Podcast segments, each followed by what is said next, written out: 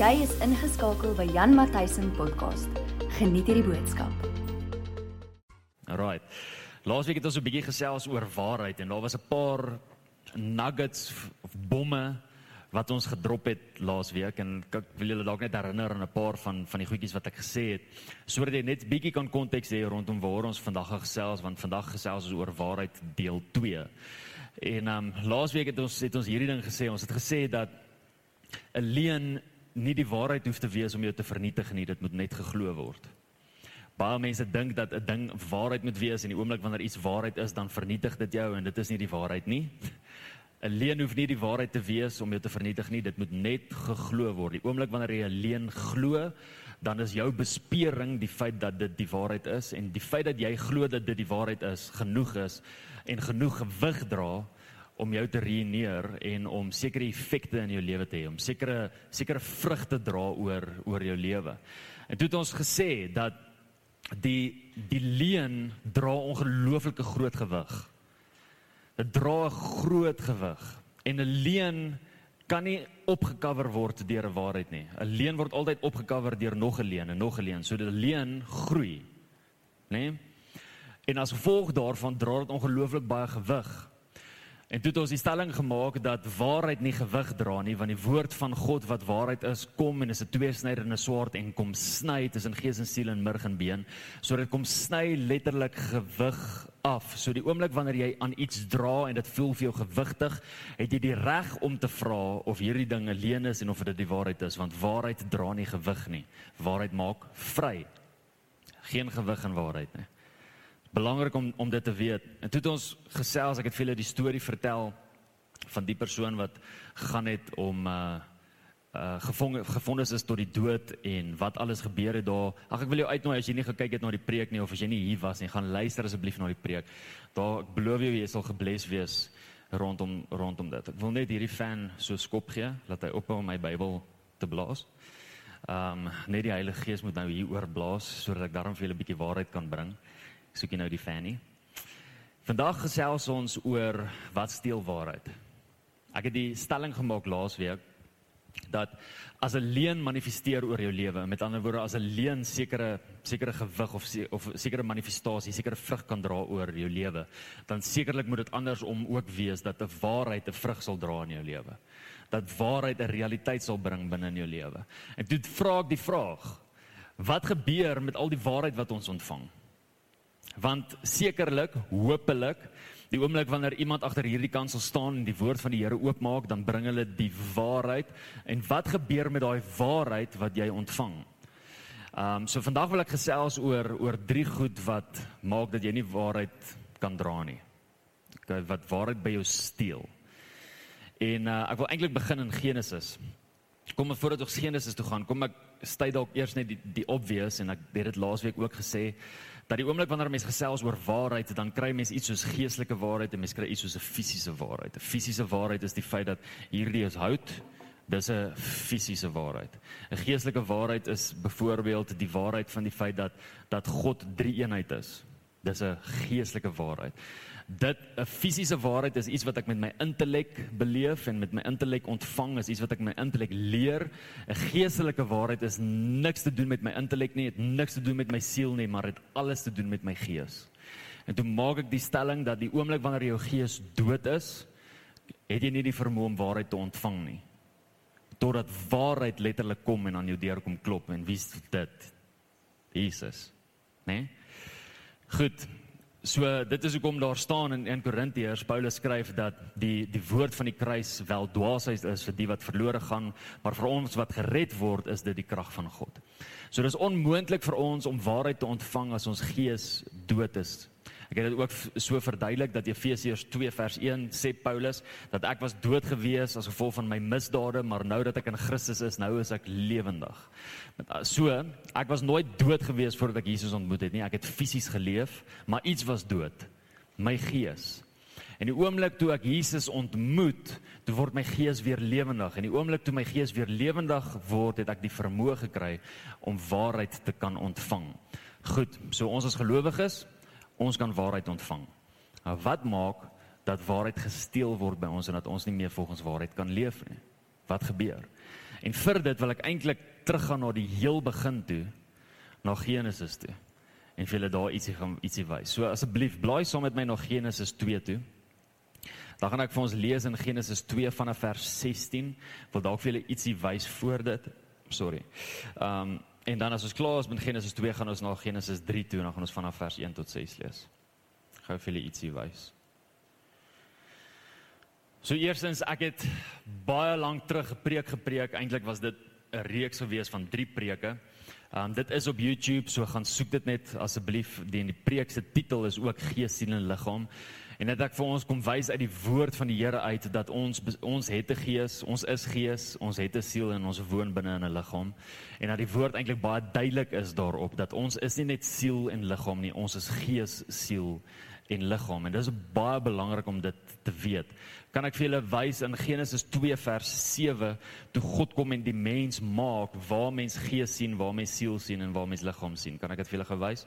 So Genesis 2 vers 7 sien ons en die Here God het die mens geformeer uit die stof van die aarde, daar's liggaam. Kyk, kom ek lees vir jou weer. En die Here God het die mens geformeer uit die stof van die aarde, daar is liggaam. Goed en in sy neus die asem van die lewe geblaas, daar's gees.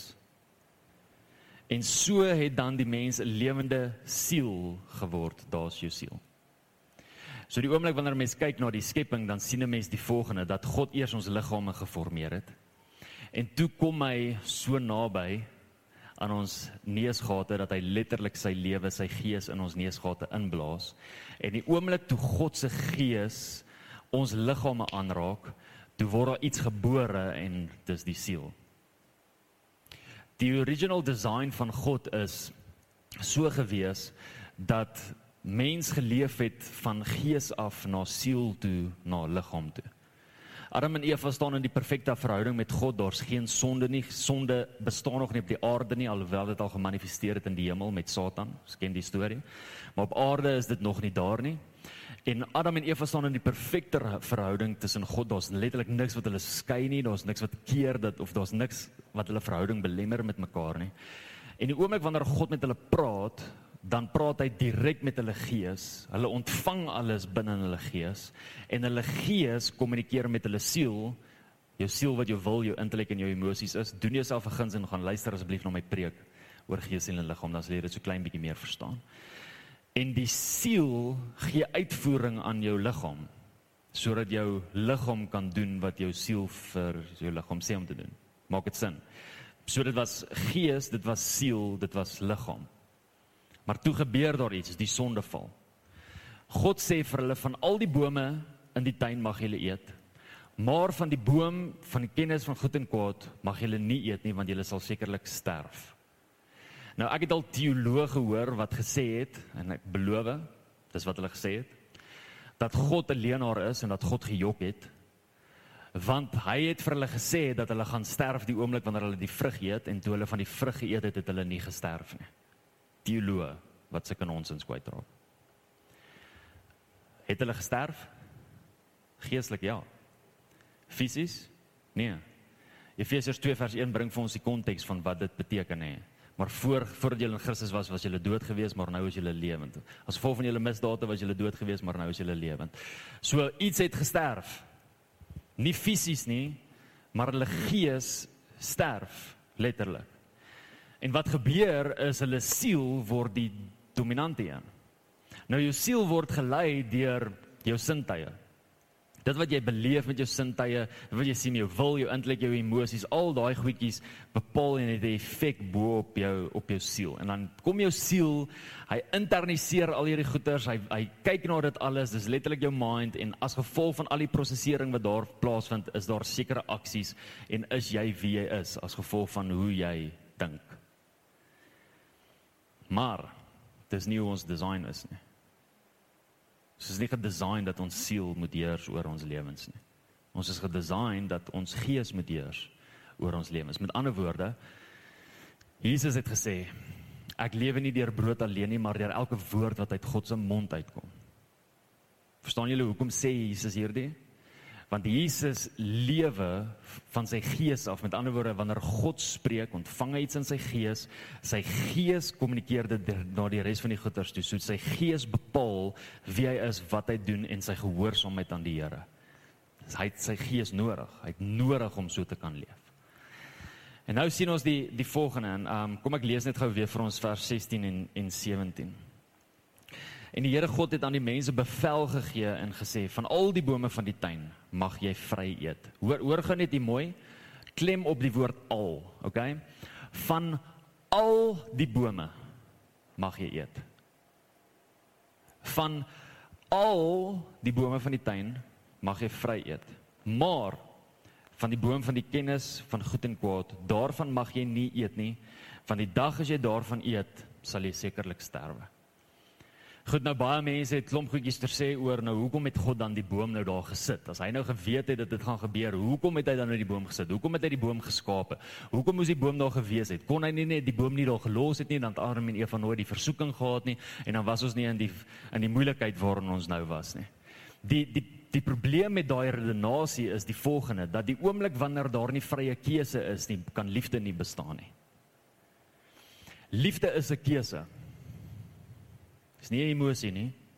Die keuse van liefde maak emosies wakker. Liefde is nie 'n emosie nie. Dis 'n keuse. En die oomblik wanneer vrye wil nie bestaan nie, kan liefde nie bestaan nie. So God kom en hy plaas vrye wil. Hy gee vir Adam en Eva die mag om vrye wil te kan hê om 'n keuse te kan maak. Hulle kan letterlik kies. Gaan ek God gehoorsaam of gaan ek nie God gehoorsaam nie? Dis 'n keuse by hulle. Hulle is nie robotte nie. Hulle het nie 'n design en volgens die design tree hulle op nie. Volgens dit wat ingeprogrammeer is, so tree hulle op nie. Hulle het 'n vrye wil. Hulle kan kies. Die rede hoekom God hulle so gemaak het, is juis as gevolg van liefde. God wil ons nie forceer om hom lief te hê nie. Hy wil hê ons moet dit kies. Hy wil hê ons moet kies om hom lief te hê. En liefde kan nie bestaan as daar nie keuse is nie. So dis hoekom die boom daar is. Maar jy het gesien wat sê die Here van al die bome. Né? Nee? Goed. Kom ons gaan gou nog Genesis 3 toe. Maar die slang was listiger as al die diere van die veld wat die Here God gemaak het. En hy sê vir die vrou: Hoor gemooi, hoor wat sê hy? Is dit ook so dat God gesê het? OK. Is dit ook so dat God gesê het? Hoor wat sê hy? Julle mag nie eet van al die bome van die tuin nie. Vang jy hierdie. God kom en hy sê van al die bome mag jy vrylik eet. Hier kom die duiwel en hy sê is dit ook so dat God gesê het julle nie van al die bome mag eet nie. Wat doen hy? Wat waarmee is hy besig? Hy's letterlik besig om Adam en Eva se oë af te haal van oorvloed na lek toe. Hulle het hierdie keuse om letterlik te kan eet van elke liewe boom se vrug wat daar is. Is dit oorvloed? Groot oorvloed. Daar's 'n groot keuse. Jy sal sien as jy vroeër gaan lees in Genesis 2, dan sal jy sien dat daar net twee bome is wat gemention word. Dis nie dat daar net twee bome is nie, maar is dat daar net twee bome gemention word. Die ander boom is die boom van die lewe. Hy het 'n naam. En raai wat? Hy staan reg langs die boom. In die middel is daar twee bome, die boom van die lewe en die boom van die kennis van goed en kwaad. En hier kom die Here en hy sê vir hulle: "Van al die bome mag julle eet." So wat is God se se begeerte? Dink julle sy begeerte is vir hulle om te eet van die boom van die lewe? Dis sy begeerte. Van al die bome mag julle eet behalwe van een, die boom van kennis van goed en kwaad. Daarvan mag julle nie eet nie. God se begeerte is vir Adam en Eva om te eet van die boom van die lewe. Hoekom dink julle het God hulle na hierdie insident uit die tuin van Eden uitgejaag? En 'n engel daar gesit wat wag gestaan het sodat hulle nie weer kan terugkom nie. Sodat hulle nie dan van die boom van die lewe eet nie.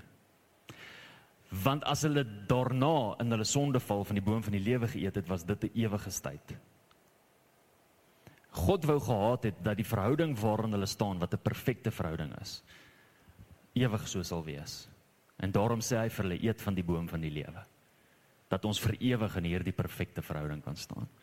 Nou hier is 'n amazing ding, die boom van die lewe is geskuif uit die tuin van Eden uit en en hy staan op die oomblik in die hemel. As jy die boek van Openbaring lees, dan sal jy sien dat hy baie duidelik daar is en dan sal jy ook sien dat hierdie boom 'n ander naam het. Jesus. Die boom van die lewe. En die oomblik wanneer ons van Jesus eet, het ons die voorreg om deel te wees van lewe en dit word deel van ons. Okay, goed, ek word gesaai trek. Hier's soveel goed in hierdie skrif, dit is crazy. Okay. So die die duiwel vat hulle fokus van oorvloed af en plaas hulle fokus op lek. Kyk bietjie hoe baie hoe maklik kry ons dit reg om net so negatief te raak. Hè? Daar kan soveel goeie goed gebeur met ons. Daar kan soveel goeie goed wees wat gebeur oor hierdie wêreld. Een negatiewe ding, dan is ons fokus daar.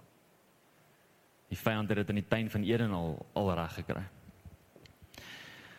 En die vrou antwoord die slang: "Van die vrug van die bome in die tuin mag ons eet, maar van die vrugte van die boom wat in die middel van die tuin is, het God gesê: Julle mag daarvan nie eet nie en dit nie aanroer nie, anders sal julle sterf." Is dit wat God gesê het? Sy sit my sommer nog iets by. Julle mag dit nie aanroer nie. Sien wat God gesê het, nie? God het intendeel vir Adam gesê: "Gaan en bewerk die tuin." Wie van julle weet dat Adam die boom waarvan hulle nie mag geëet het nie, moes bewerk? En hier kom sy en sy sê nee, maar die Here het gesê ons mag dit ook nie aanroer nie. Ons mag dit nie aanroer nie en ons mag nie daarvan eet nie. So hier is die hier is die gevaarlike ding. Hierdie is wat gebeur. OK. God kom en hy maak Adam en Eva aan die perfekte wesens. Right? Hy hy kom gee vir hulle 'n stuk van wie hy is, sy gees, En daarom is ons in die beeld van God geskape, sy gees. En hy kom gee vir hulle 'n stuk van dit wat op die aarde reeds is, dit wat jy in diere ook vind, 'n siel. En as gevolg daarvan is dra mens, Adam en Eva, dra iets wat geen ander wese dra nie. Selfs net Adam en Eva dra gees, siel en liggaam. So God hulle gemaak het, hulle is uniek, hulle dra iets moois. God se design oor hulle is perfek. En hier kom die vyand en hy kom mislei vir Eva deur vir haar 'n vraag te vra. sien jy hier dat die duiwel wil hê dat sy moet twyfel in dit wat God gesê het? Hy kind van God, kan ek vir jou vandag iets sê? Die duiwel wil hê jy moet twyfel in God se woord. Die duiwel wil hê jy moet twyfel in sy stem. Die duiwel wil hê jy moet twyfel in dit wat hy vir jou gesê het. Beloof jy dit? Weet julle hoeveel gelowiges praat met my dan sê hulle vir my ja, hulle weet nie of hulle die Here se stem kan hoor nie. Jep, klink vir my soos die duiwel. Klink vir my presies wat hy hierso hy wil hê, hy moet twyfel in God se woord, in dit wat hy gesê het en of sy reg gehoor het. Hy wil hê hy moet daarin twyfel. Dis presies waarom jy gelowiges vandag sit. Gelowiges twyfel so baie in God se woord. Gelowiges twyfel so baie aan dit wat God gesê het, maar het God regtig gesê? Jesus ek weet nie of dit was dit die Here of was dit nou ek of of was dit nou net my gedagtes of het ek dit net gelees iewers. Mense sukkel nou nog met dit. God se vermoë om met jou te praat is baie groter as jou vermoë om te luister. Dis onmoontlik vir jou om kind van God te wees as jy nie God se stem kan hoor nie. Die woord sê dat hy kom en hy klop aan ons harte. Wie van julle maak 'n deur oop as niemand geklop het nie?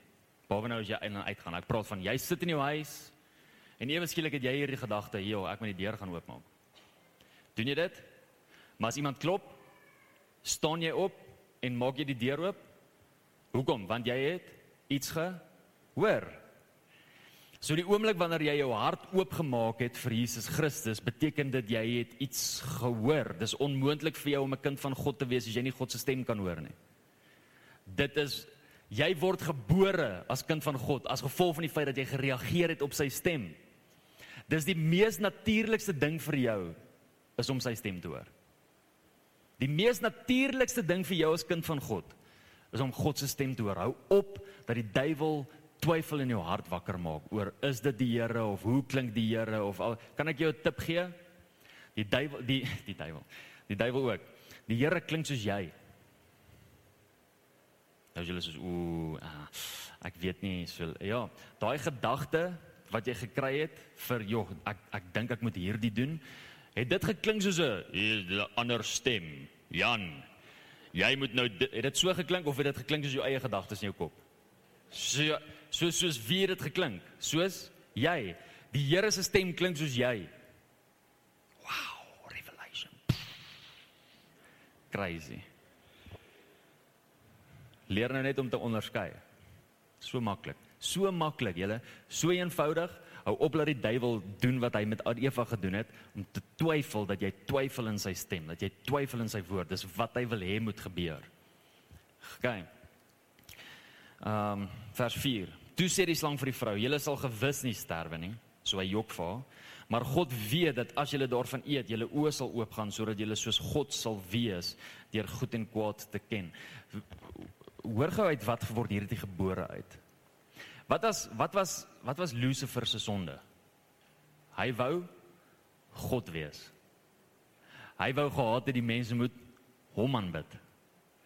Nee, dis dis dis sy sonde, hoogmoed, pride. Hy wil hê die mense moet hom aanbid. Hy wil God wees. Hoor wat sê hy hierso? Sê julle oë sal oopgaan sodat julle soos God sal wees. Dit waarmee hy gestruggle het, kom gooi hy hierso voor Eva. Sê hy hy, jy kan soos hy wees. Kan ons ooit soos hy wees? Come on. Dadelik is daar hierdie temptasie. So hierdie is wat gebeur. Wil hierdie nou vir julle verduidelik en ek hoop by die oomblik wanneer ek dit verduidelik, maak dit vir jou sin. Waarheid, en hulle praat nou van geestelike waarheid, word ontvang in ons gees, binne in ons gees. Ons gees kommunikeer dit na ons siel toe, ons denke toe, ons wil, ons intellek, ons emosies. En daaruit leef ons die waarheid uit. OK? God kom en hy gee vir Adam en Eva 'n waarheid al die bome in die tuin mag julle eet. Behalwe van die een boom, die boom van kennis goed en kwaad. Daarvan mag julle nie eet nie. Dis waarheid. Hulle ontvang hierdie waarheid want die oomblik wanneer God praat, praat hy net waarheid. God kan nie jok nie. Hulle ontvang hierdie waarheid in hulle gees en hulle leef dit uit.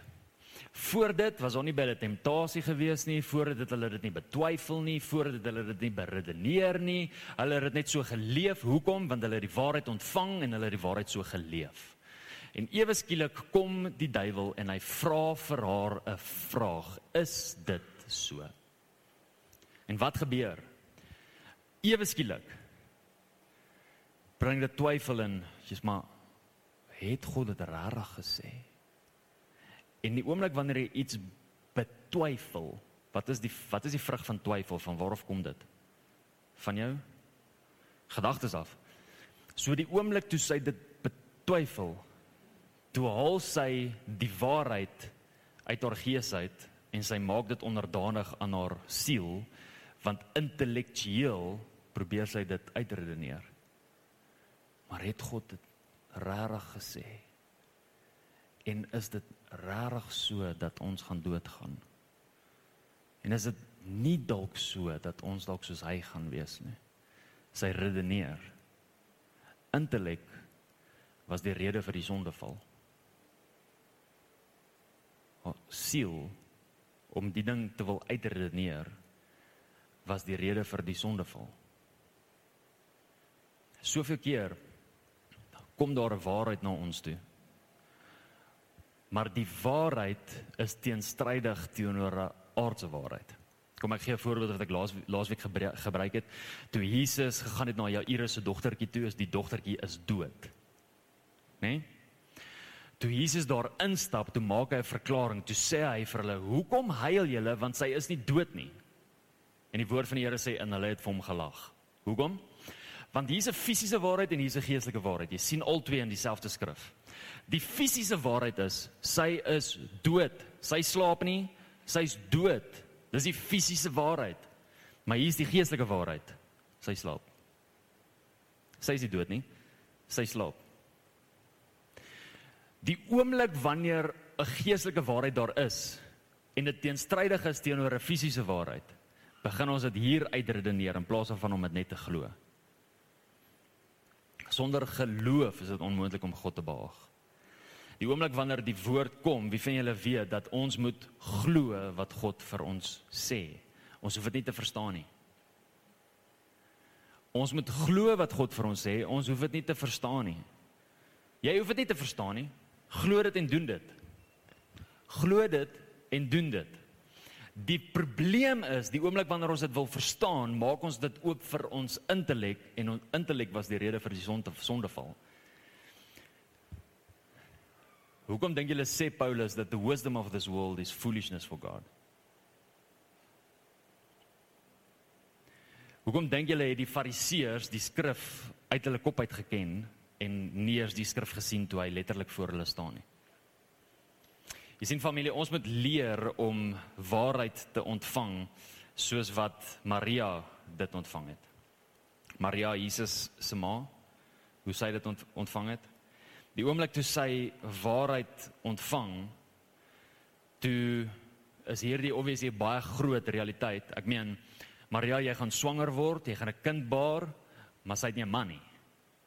En wie van julle weet dat vir iemand om swanger te word met haar 'n man en 'n vrou moet Dis 'n onmoontlike woord. Né? Nee? My vrou het laasweek met my geraas, so ek gaan ek gaan myself inhou vandag. Dis 'n onmoontlike woord om in vervulling te kom. En sy weet dit. En nou kom die engel en sê vir haar die Heilige Gees gaan oor jou kom en so gaan jy swanger word. Wat? Dis onmoontlik. En hoor hoe respons hy. Nie redeneer dit uit, nie ja, maar jy weet dit kan nie gebeur nie want fisies is daar nie 'n man nie en fisies was ons nie intiem gewees nie en en dit kan maak dat daar nie fisiese babietjie kan. Sy redeneer dit nie uit nie. Hoor wat sê sy? Mag dit met my gaan volgens u woord. Lukas Lukas 1 vers 38. Gaan kyk. Mag dit met my gaan volgens u woord. It's amazing response. Wat is die respons rondom dit? Here, ek verstaan nie. Ek verstaan nie. Maar moenie laat my intellek in die pad staan nie. Moenie laat omdat ek dit nie verstaan dat dit in die pad staan nie. Mag dit met my gaan volgens u woord en nie met my gaan volgens hoe ek dit verstaan nie. Dis letterlik wat sy sê. En dit is hoe ons veronderstel om waarheid te ontvang. So, wat kom steel waarheid? Intellek kom steel waarheid. En ek praat net van geestelike waarheid, né? Fisiese waarheid is die intellek baas van. Die intellek laat fisiese waarheid, dis waar hy waarheid ontvang. Geestelike waarheid is die intellek 'n vyand van. Dit is hoekom baie mense hulle rug draai op die Here as gevolg van die feit dat hulle iets hier gelees het en gekyk het na hulle lewens en dit was nie so nie en nou God kan nie goed wees nie. Kom ek kom ek kom ek bring gou hierdie by jou. God is goed. God is goed. Hè? God is goed. Baie gelowiges luister na hierdie waarheid en die oomblik wanneer hulle dit hoor, God is goed. Dan sê hulle, "Yes, amen. God is goed." En dan hier binne in hulle dink hulle, "Maar joh, maar wat van my geliefde wat oorlede is so rukkie terug?" Nee, nee, nee, nee, God is goed. Ja, maar wat van daai kar ongeluk? Nee, nee, nee, God God is goed. Ja, maar wat van daai geld wat by my gesteel is? Nee, nee, nee, God is Wat van my kind wat nie die Here? Nee, nee, God is goed. Intellek het die vermoë om waarheid te steel. OK? Net so nog 'n nugget dis vir nie jy hoef jy hoef nie eers my Coke Light te gee vir hierdie nie. Ek wil dit net gou vir julle gee. Johannes die skrywer van die boek Johannes, 1 Johannes 2, kom hy en hy sê die volgende. Hy sê do not love the world or the things in this world. Hoor jy mooi? Do not love the world or the things in this world. If anyone loves the world, the love of the Father is not in him. Ja. For all that is in the world, hoor gou hier. All that is in the world, the lust of the flesh, the lust of the eyes and the pride of life. Drie goed. The lust of the flesh, the lust of the eyes and the pride of life. Drie goed.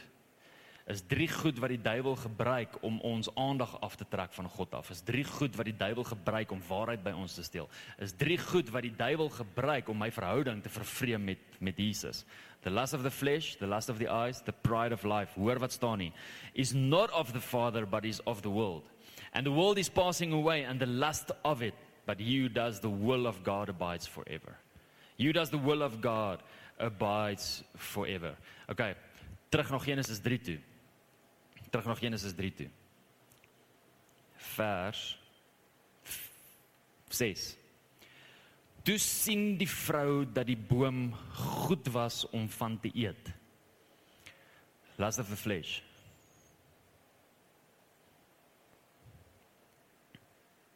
En dat hy 'n lus was vir die oë.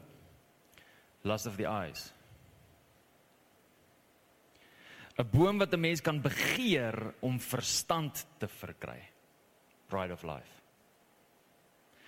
Dieselfde taktiek wat die vyand gebruik het vir Eva, is dieselfde taktiek wat die vyand gebruik gebruik het met Jesus toe hy na Jesus toe gekom het. Wat het gebeur die oomblik toe hy Jesus versoek het in Matteus 4 en Lukas 4? Sien ons dat hy dat hy vir Jesus um versoek. Die eerste ding is is hy kom en hy sê sê vir hierdie klippe dat hulle moet brood word. Jesus is honger. Ons sien dat die woord van die Here sê en na 40 dae was Jesus honger. Dit staan in die Bybel. Nou kom die duiwel en hy sê en hy sê vir Jesus heel eers ding, hy sê vir hulle as jy die seun van God is, sê vir hierdie klippe om brood te verander. Lust of the flesh.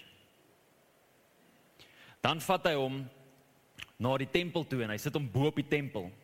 En die oomblik toe hy bo op die tempel sit, sê hy vir hom: "Gooi jouself hier af." Van die woord van die Here sê dat hy die engele aangaande jou gaan gee dat jy nie eers jou voet sal stamp teen 'n klip nie. Pride of life. En daarna vat die duiwel hom na 'n hoë berg toe. En op hierdie hoë berg sê hy vir Jesus: "Kyk na al hierdie koninkryke. As jy nou neerval en my aanbid, dan gee ek al hierdie koninkryke vir jou." Lust of the eyes. Drie goed.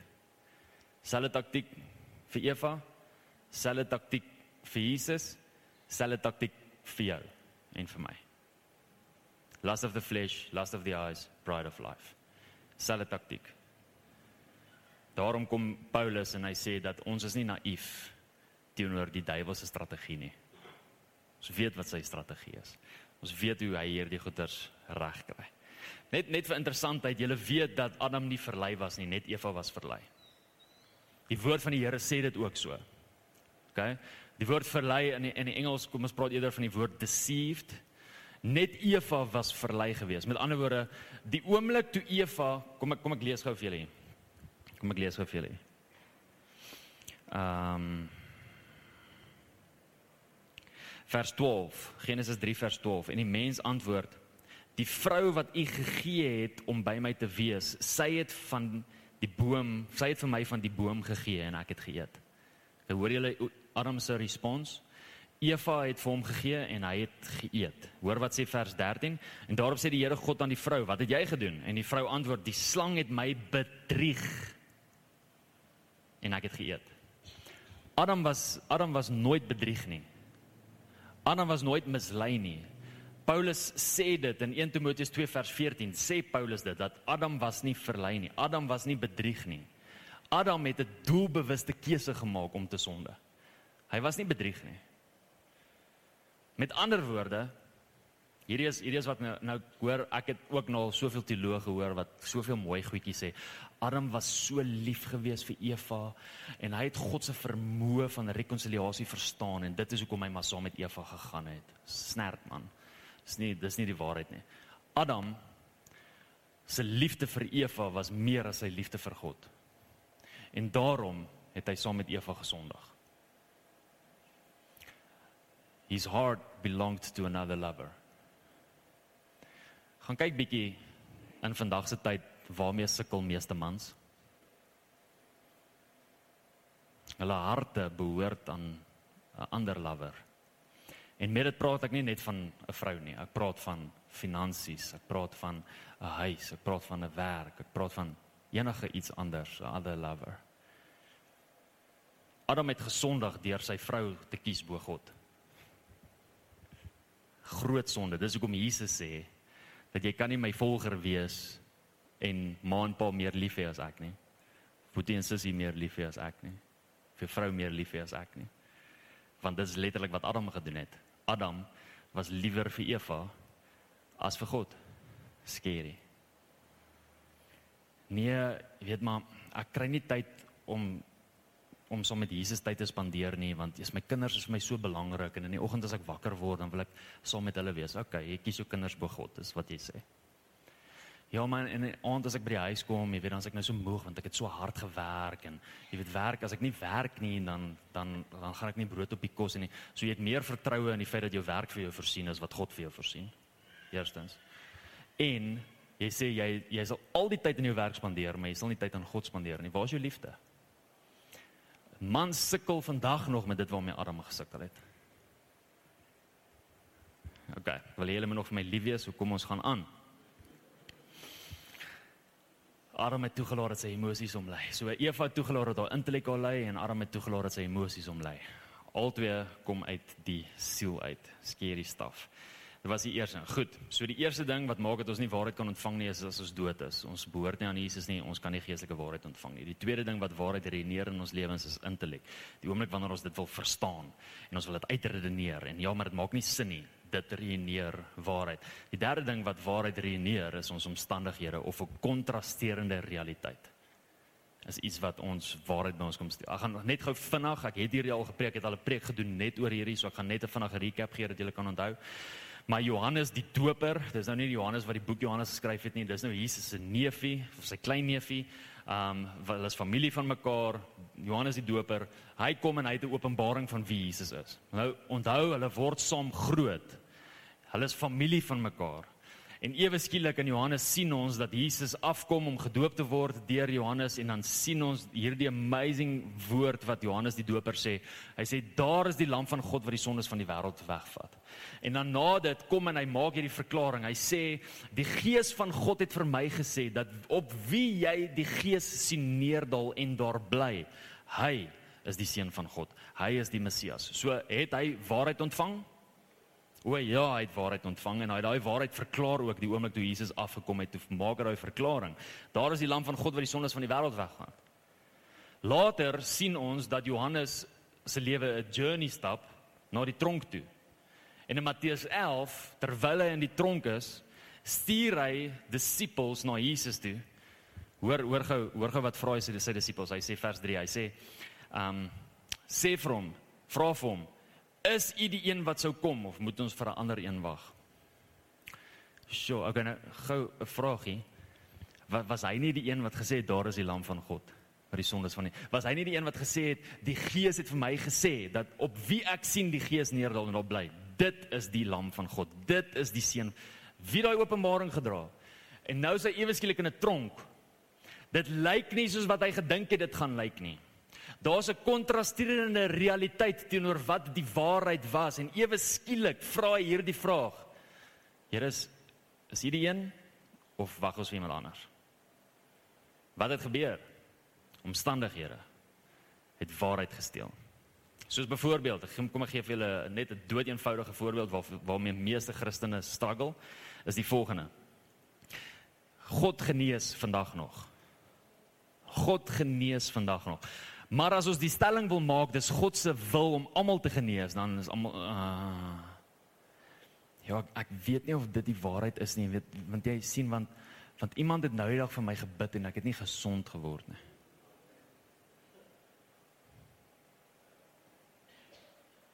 Weet julle wat is die die slegste ding wat ons as gelowiges kan doen? Die slegste ding wat ons as gelowiges kan doen is wanneer ons toelaat dat ons omstandighede ons teologie bepaal. Ons laat toe dat ons omstandighede ons teologie bepaal. En jy kan nie dit doen nie. Omstandighede, jou teologie word nie onderhewig aan omstandighede nie. Omstandighede moet altyd onderhewig wees aan teologie. Daarom bly God goed. Maak nie saak wat gebeur nie. Iemand breek in ons huis in, steek my met 'n mes. Bly God goed? Jep. Is God die een wat beskerm? Jep. Maar iemand het my dan gesteek met 'n mes. Bye kom en steek ons honde, al vier honde dood in ons erf. Is God goed? Jep. God is goed. En in daai tyd kan 'n mens so maklik toelaat dat die omstandighede maak dit my teologie verander. Ek het dit al oor en oor en oor en oor gesien by mense. Oor en oor, dit gebeur oor en oor. Ek het al mense gesien wat hulle rug op die Here gedraai het omdat hulle 'n geliefde verloor het, omdat hulle 'n kind verloor het, omdat iets met hulle gebeur het wat teenstrydig is teenoor 'n waarheid. Omstandighede steel waarheid. En jy moet vandag 'n keuse maak. Maak 'n keuse dat waarheid altyd eerste sal bly en nie omstandighede nie. Maak 'n keuse dat jou omstandighede nie jou waarheid sal bepaal nie. Maak vandag 'n keuse om te sê, Here, maak nie saak wat met my gebeur nie, maak nie saak waar ek is nie, maak nie saak hoe my lewe lyk nie, U bly goed. Maak 'n keuse, dis waarheid. Here, ek weet dat U 'n geneesheer is en ek weet dat U wil is om almal te genees. Maak nie saak of ek genesing kry nie, maak nie saak of my vrou genesing kry nie, maak nie saak of my familie met nie genesing kry nie. U is geneesheer. Dis 'n waarheid. En my omstandighede nie reg om daai waarheid te verander nie. Hoor wat sê Johannes 17 vers 17. Ek wil land, maar daar's iets wat ek met julle wil deel. Julle moet nou maar geduldig wees. Ek het vir julle gesê, hier is 'n Pinksterkerk, ons hou lank kerk, dis net maar net so. OK. So. Gee my nog gee my nog so 10 minute. Ek gaan my bes probeer. Goed. Johannes 17 vers 17 sê Jesus bid. Nou wie van julle weet dat Jesus se primêre rol vandag is intercessor. Hy het klaar op die kruis kom doen wat hy kon doen. Dit is volbring. Sy primêre rol vandag is intercessor. Gaan lees die boek van Hebreërs. Hy's intercessor. Hy bid. En in Johannes 17 sien ons 'n deel van die intercessor se hart. En hoor wat bid, want Johannes 17 is die groot gebed wat Jesus bid. So in Matteus 6 is dit nie Jesus se gebed nie, dis die gebed wat hy sy disippels leer. It's not the Lord's prayer, it's the disciples prayer. Julle verstaan dit, né? Nee? Matteus 6 se gebed. Johannes 17 is the Lord's prayer. Hier kom Jesus en hy bid. Right? En hierdie is wat hy bid. Hy bid vir ons. Eers bid hy vir sy disippels wat om hom is. En dan bid hy, hy sê Here en ek bid vir die wat sal glo as gevolg van hulle. So hy bid vir ons. Ons glo as gevolg van hulle, hè? Hy bid vir ons en hoor wat bid hy vir ons? Hy sê Here heilig hulle in u waarheid. U woord is waarheid. Heilig hulle in u waarheid u woord is waarheid. Wat is Jesus se begeerte? Jesus se begeerte is dat ek in waarheid sal leef. Meer as dit, Jesus se begeerte is dat ek so liefde het vir sy woord dat sy woord my sal heilig en my sal was en my gedagtes sal was.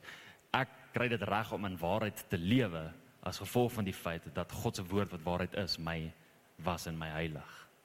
OK. 1 Timoteus 2 vers 3 tot 4. Want dit is goed en aangenaam voor God ons verlosser wat wil hê dat alle mense gered tot word en hoor hier, so hy wil hê almal moet gered word. Is dit Jesus se begeerte vir die moslem om gered te word? Is dit Jesus se begeerte vir die satanis, vir die boeddhis, vir die ateës? Is dit Jesus se begeerte vir hulle om gered te word? Dis God se begeerte vir almal om gered te word. 1 Timoteus 2 vers 3. En hoor hier, wat wil hê dat alle mense gered moet word vers 4 en tot kennis van die waarheid kom. Hy het nie net 'n begeerte dat jy hom ken nie, hy het 'n begeerte dat jy in waarheid leef. Hy het nie net 'n begeerte dat almal op hierdie aarde hom ken nie. Hy het 'n begeerte dat almal op hierdie aarde in sy waarheid leef. Hoekom dink julle is die wêreld vandag so loud met die leuns wat hulle spreek? Ek het laasweek so 'n bietjie getouch in die gender neutrality ding. Gaan nou nie weer daaroor nie. Mense was my kwaad op Facebook bless julle almal. Um so bang vir hulle nie.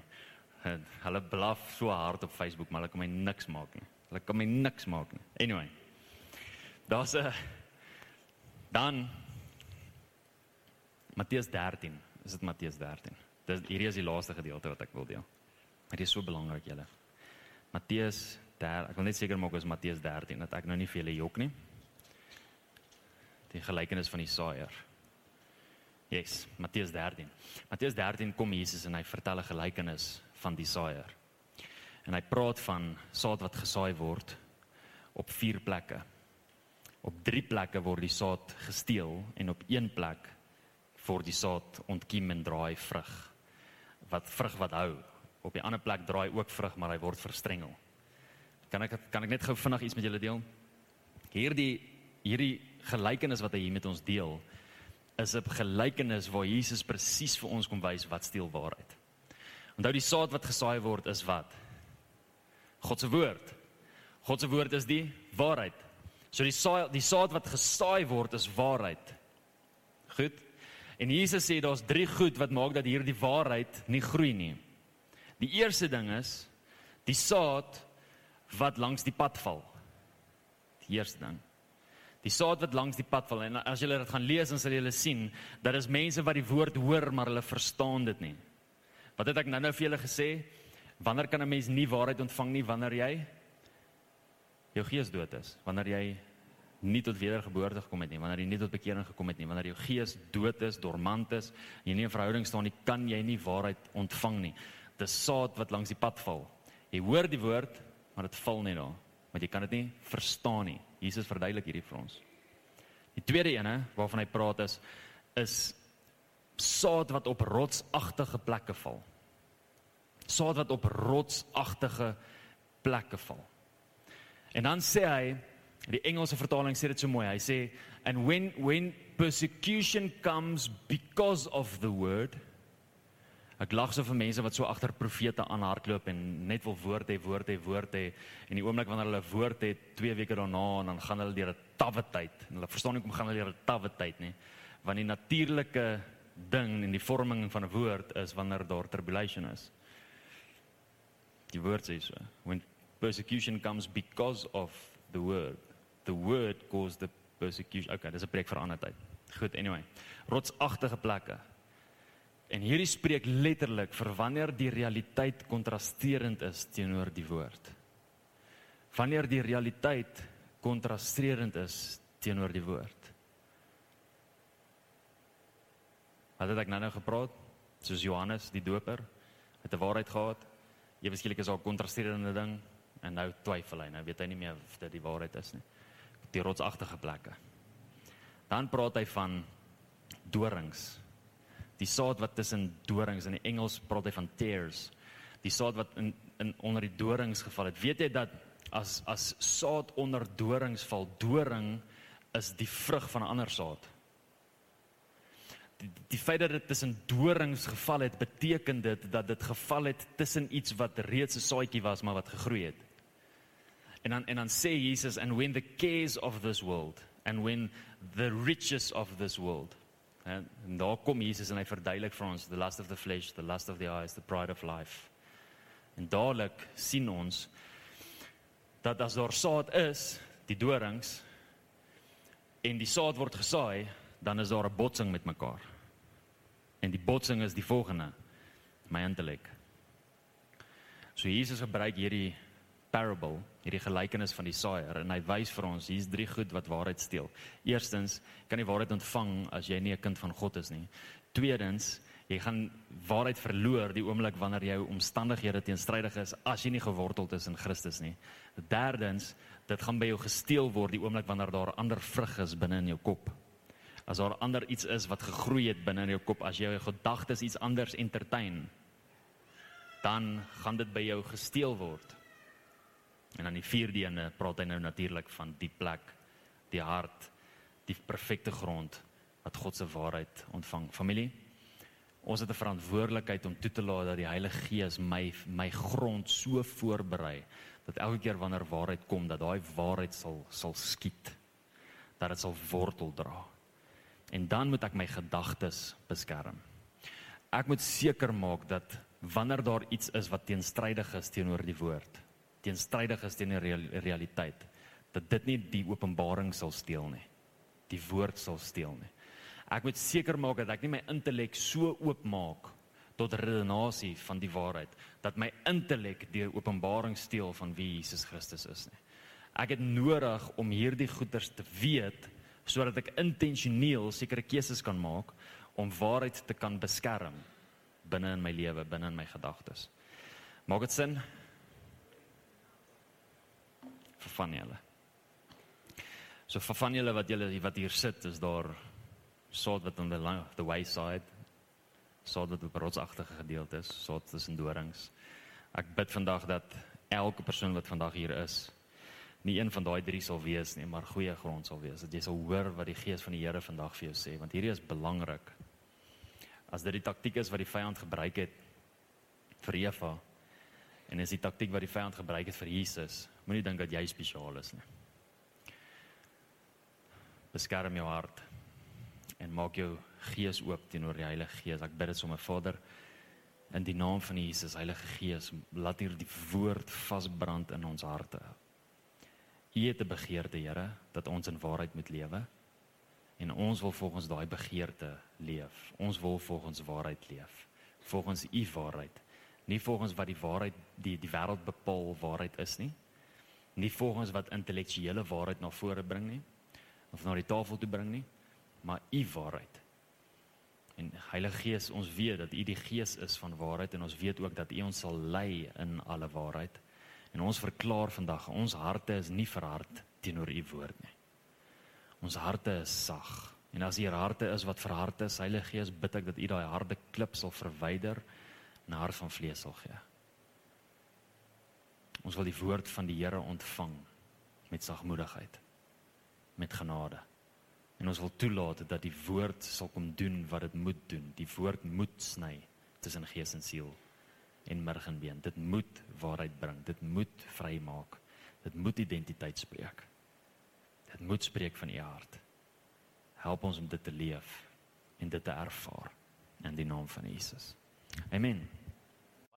Dankie dat jy saam met ons geluister het. Onthou om te subscribe op hierdie podcast. Volg ook vir Jan op Facebook en YouTube. Tot 'n volgende keer. Die Here seën jou.